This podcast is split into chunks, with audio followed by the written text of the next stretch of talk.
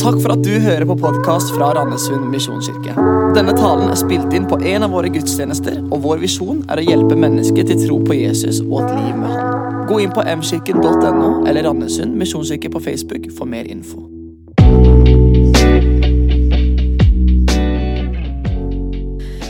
Nå skal jeg fortelle om noe som skjedde for en ganske god stund siden. I det herrens år 1930.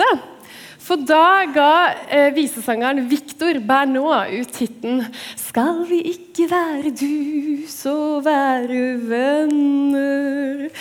Og det er, kanskje ikke, det er kanskje ikke så veldig mange av dere som eh, levde da og var så veldig fan av han Victor Bernot. Men dere husker kanskje sangen? Og dere husker kanskje da vi var både dis og dus.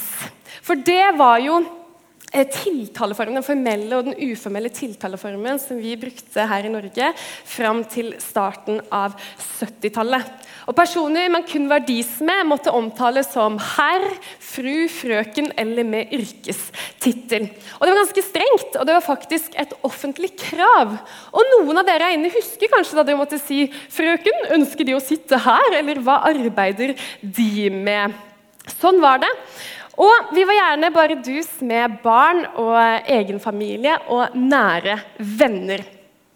I dag så er det heldigvis ganske annerledes, og uttrykket 'å være dus med noe' brukes hvis det brukes i det hele tatt, om ting man kan eller mestrer godt. Og jeg vet ikke med deg, men jeg er i hvert fall veldig glad for at jeg slipper å bli omtalt som fru. Og at jeg kan få lov til å være dus med mennesker som jeg møter på min vei. Og I dagens bibeltekst som vi snart skal lese, så skjer det også et slags skifte fra dis til dus. Men da er det ikke norske myndigheter som iverksetter det. Det er mesteren selv som inviterer oss til å være dus og være venner. Og Teksten finner vi i Johannesevangeliet, kapittel 15, vers 12-17. Og Der leser vi at Jesus sier til disiplene sine Og dette er mitt bud. Dere skal elske hverandre som jeg har elsket dere. Ingen har større kjærlighet enn den som gir livet for vennene sine. Dere er mine venner hvis dere, gjør, hvis dere gjør det jeg befaler dere. Jeg kaller dere ikke lenger tjenere, for tjeneren vet ikke hva herren hans gjør. Jeg kaller dere venner, for jeg har gjort kjent for dere alt jeg har hørt av min far. Dere har ikke utvalgt meg, men jeg har utvalgt dere og satt dere til å gå ut og bære frukt, en frukt som varer. Da skal Far gi dere alt dere ber om i mitt navn. Dette er mitt bud til dere. Elsk hverandre. Her er eh, Jesus og hans disipler samla i et hus i Jerusalem. Og Om litt skal Jesus bli arrestert og korsfesta. Han har nettopp eh, vaska disiplene sine, sine føtter. Og Det er en nydelig handling gjort av Gud selv, der han bøyer seg ned og gjør det som en slave bare ville gjort på den tiden. Og Så kommer han med det nye budet sitt. Han sier til disiplene sine det som er så viktig at det til og med kalles Kristi lov. At vi skal elske hverandre som han har elska oss. Og Han snakker til vennene sine, de som han snart skal gi livet sitt for. Og på den måten demonstrerer på en måte den ytterste formen for kjærlighet som han sier at de skal vise hverandre. Og så sier han den kjente setningen at han ikke lenger kaller disiplene sine for tjenere, men for venner. Og Det betyr jo ikke at Jesus på et tidspunkt så på disiplene sine som tjenerne sine. Det betyr at det nå skjer noe helt spesielt. For han innlemmer disiplene sine i Guds planer og tanker og motiver om det som snart skal skje, og hele grunnen til at Jesus er på jorda. En tjener på den tiden hadde ikke så mye med hvorfor herren hans ba ham om å gjøre noe eller reise en plass. Han måtte bare gjøre det. Og Det blir vel litt som å ha en eh, halvdårlig sjef i dag. At man bare får beskjed om å gjøre noe, så vet du ikke helt hvorfor. Og så er det kanskje ikke helt din plass å spørre heller. En tjener er på en måte bare et verktøy eller et instrument. Men med en venn så vil man dele både håp og planer. Og Jesus deler alt han har fra sin far med disiplene sine. Og Det var helt sikkert mye de ikke forsto med en gang, tipper jeg, men han sa likevel alt. Han delte hele sannheten med dem. Og så minner han dem på at hei, Vi er ikke dis, vi er dus. Vi er nære venner. Jeg har gitt og vil gi dere absolutt alt. Og Det Jesus sier der til disiplene sine, det er også en invitasjon til oss her inne i dag. For vi får lov til å gå fra kanskje å ha et slags tjenerforhold, der hvor det føles ut som vi kanskje er dis med Jesus, at han er en fremmed eller en bekjent som man bare vet noe om, eller kanskje til og med en arbeidsgiver. Vi får lov til å gå fra det til å ha en ordentlig nær vennskapsrelasjon med Jesus Kristus, verdens lys og frelser. Og Forfatteren og teologen Magnus Malm han sier så fint at vi helt enkelt er kalt til å forenes med Jesus Kristus og hans interesser i verden. Alt begynner med det. Det er der kallet vårt ligger, og det er der hele tyngden i livet som kristen burde ligge. Helt enkelt i et kall til å forenes med Jesus Kristus og hans interesser i verden. Og Da Jesus i Jerusalem kalte disiplene sine for venner og ikke tjenere, så var ikke det på en måte første gang han viste gutta sine hva det var å følge han som venn og tjene han som venn. For alt begynte i den første henvendelsen fra Jesus. Og I Markus kapittel 6 så leser vi at Jesus sendte ut disiplene sine for å be for syke og forkynne frelsen som hadde kommet nå gjennom ham. Men den første setningen er ikke 'han sendte dem ut'. Den første setningen er 'han kalte de tolv til seg'. Alt begynner i den første henvendelsen fra Jesus. Først og fremst kalte han disiplene sine, og kaller han oss til seg. Til å forenes med han før vi forenes med hans interesser i verden. For vi er kalt til en jeg-du-relasjon med Jesus. Alt begynner med det. Grunnleggeren av metodistkirken, John Wesley, som levde på 1700-tallet, han skrev dagbok, og han så i et innlegg i dagboka si tilbake på da han tok imot Jesus som sin frelser. Og Han beskrev det som at det var å gå fra å ha et slags tjenerforhold, en tjenertro, til å ha en sønns tro. Og så sa han at han ikke lenger følte seg som en tjener, men som en venn. For noen føler seg kanskje ikke som en venn, men heller mer som en tjener eller en fremmed en bekjent. Og så lugger det litt hver gang noen snakker om å følge Jesus. For Det føles ut kanskje som enda en sånn byrde lagt til i hverdagsbuddhismen. Der vi burde mer av ditten og datten og ha tid til ditten og datten. Og det å følge Jesus og hans interesser i verden blir noe du gjør kanskje på lik linje med dugnad og foreldremøter og jobb. Og Her i kirka så har vi en visjon som sier at vi ønsker å hjelpe mennesker til tro på Jesus og et liv med Han. Og Når dette livet med Han blir et liv der du bare kjennes ut som du lever for Han, der relasjonen din med Jesus ikke er i fokus, og du ikke lever med Han, da må vi ta en pust i bakken og kjenne hva som skjer inni oss i møte med den levende Jesus Kristus. Levi Fragell, som er en religionskritiker som mange av dere kjenner, og var Human-Etisk Forbunds ansikt utad i mange år. Han ga i 2010 ut en selvbiografisk bok som het 'Vi som elsket Jesus'. Og I den boka så beskriver han hvordan hans opplevelse av å følge Jesus ble et ork. Og Han sier for meg personlig er det Jesu krav til total underkastelse som skremmer meg mest. Det at Jesus sier 'følg meg' og 'følge ham', kan få inhumane konsekvenser både for en selv og andre. Men Jesus kaller, ikke krever oss til seg. Han gjør det med åpne armer.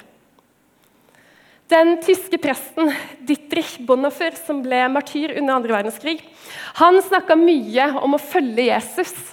Og Han spurte seg selv om det å følge Jesus var å legge et tungt åk på folk.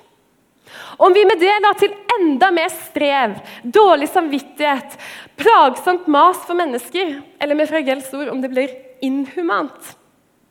Men så sier Bonhoeffer at når Bibelen snakker om å følge Jesus, så forkynner den frigjøring for mennesker.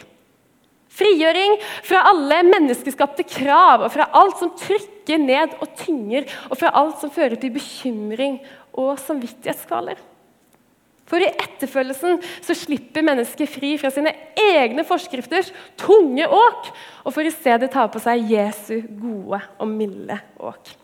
Og For deg under 40 eller over 40 som sitter her og lurer på hva i alle dager et åk er, så er det et bæreredskap, eller et redskap som brukes til å utjevne vekt. Og Det gjør også at du kanskje kan bære tyngre enn det du vanligvis ville gjort, for at du får riktig plassering av belastningen. Men Dittrich han sier om dette åket som er så fint. Han sier at Jesus kalte alle som strever og bærer tunge byrder, til å kaste av seg sitt eget åk og i stedet ta på seg hans åk. Jesu åk er godt, og hans byrde er lett. Hans åk og byrde er korset. Å bære dette korset er ikke sorg og fortvilelse, men det fornyer vårt indre og gir sjelen hvile og dyp glede. Da strever vi ikke lenger under selvlagde krav og byrder. Vi går med Jesu åk, han som kjenner oss, og går inn under åket med oss. Under Jesu åk kan vi være sikre på at han er nær oss, sier Dietrich Bonhoeffer.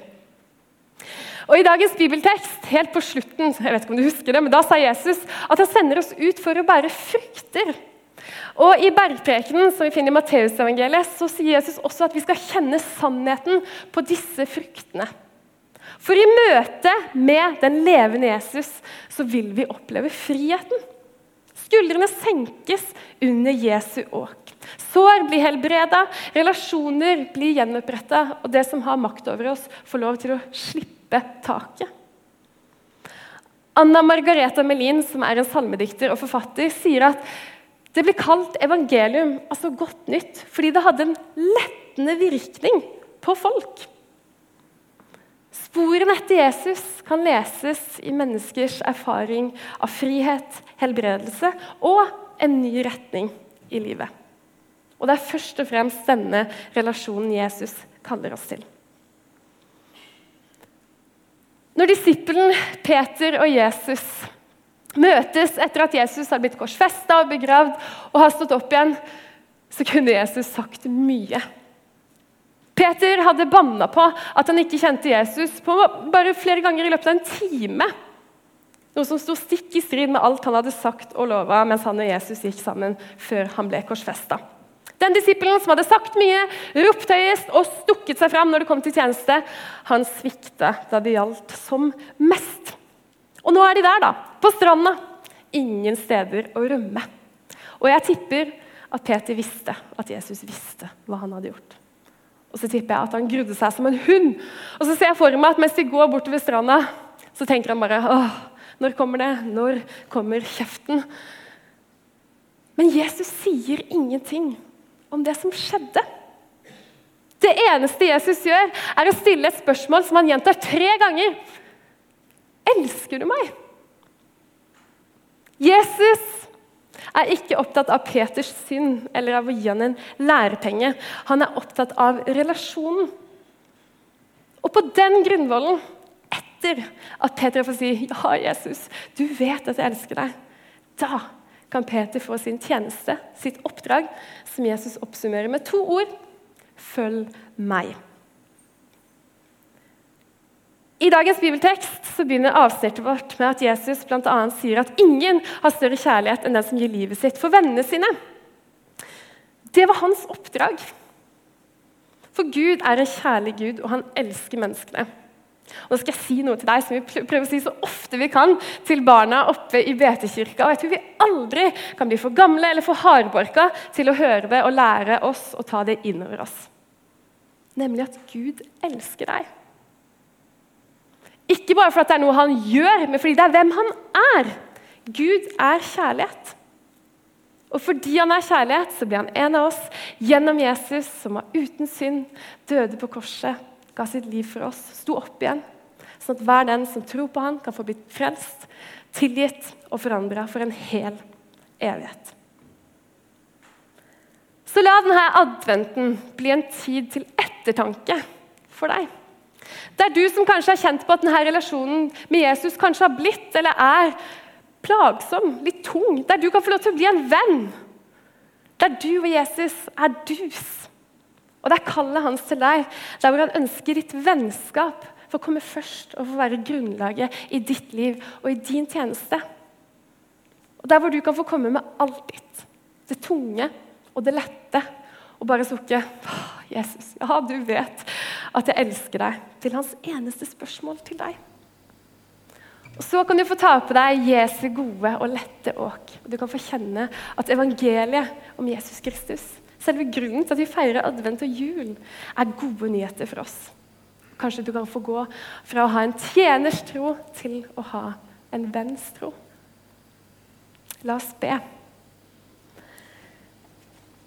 Jesus, jeg takker deg for at du er her akkurat nå, og at du kaller oss venner.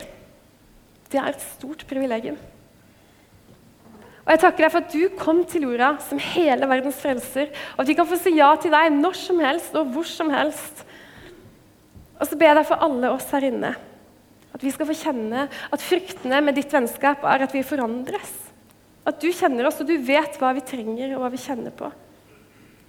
Og så takker jeg deg for at alle som går herfra i dag for gudstjenesten, skal få kjenne at du har møtt dem, og at du er midt i livene deres.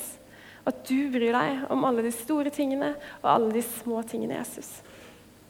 Hjelp oss i denne adventstiden til å huske å ta på oss ditt åk, og ikke bære alt selv. Be deg om. Og Gud, nå ber jeg deg også om å velsigne adventstiden for alle som er her inne. Hjelp oss til å sette fokus på at du er Herre, og at du har vist oss nåde og kjærlighet. I Jesu navn. Amen.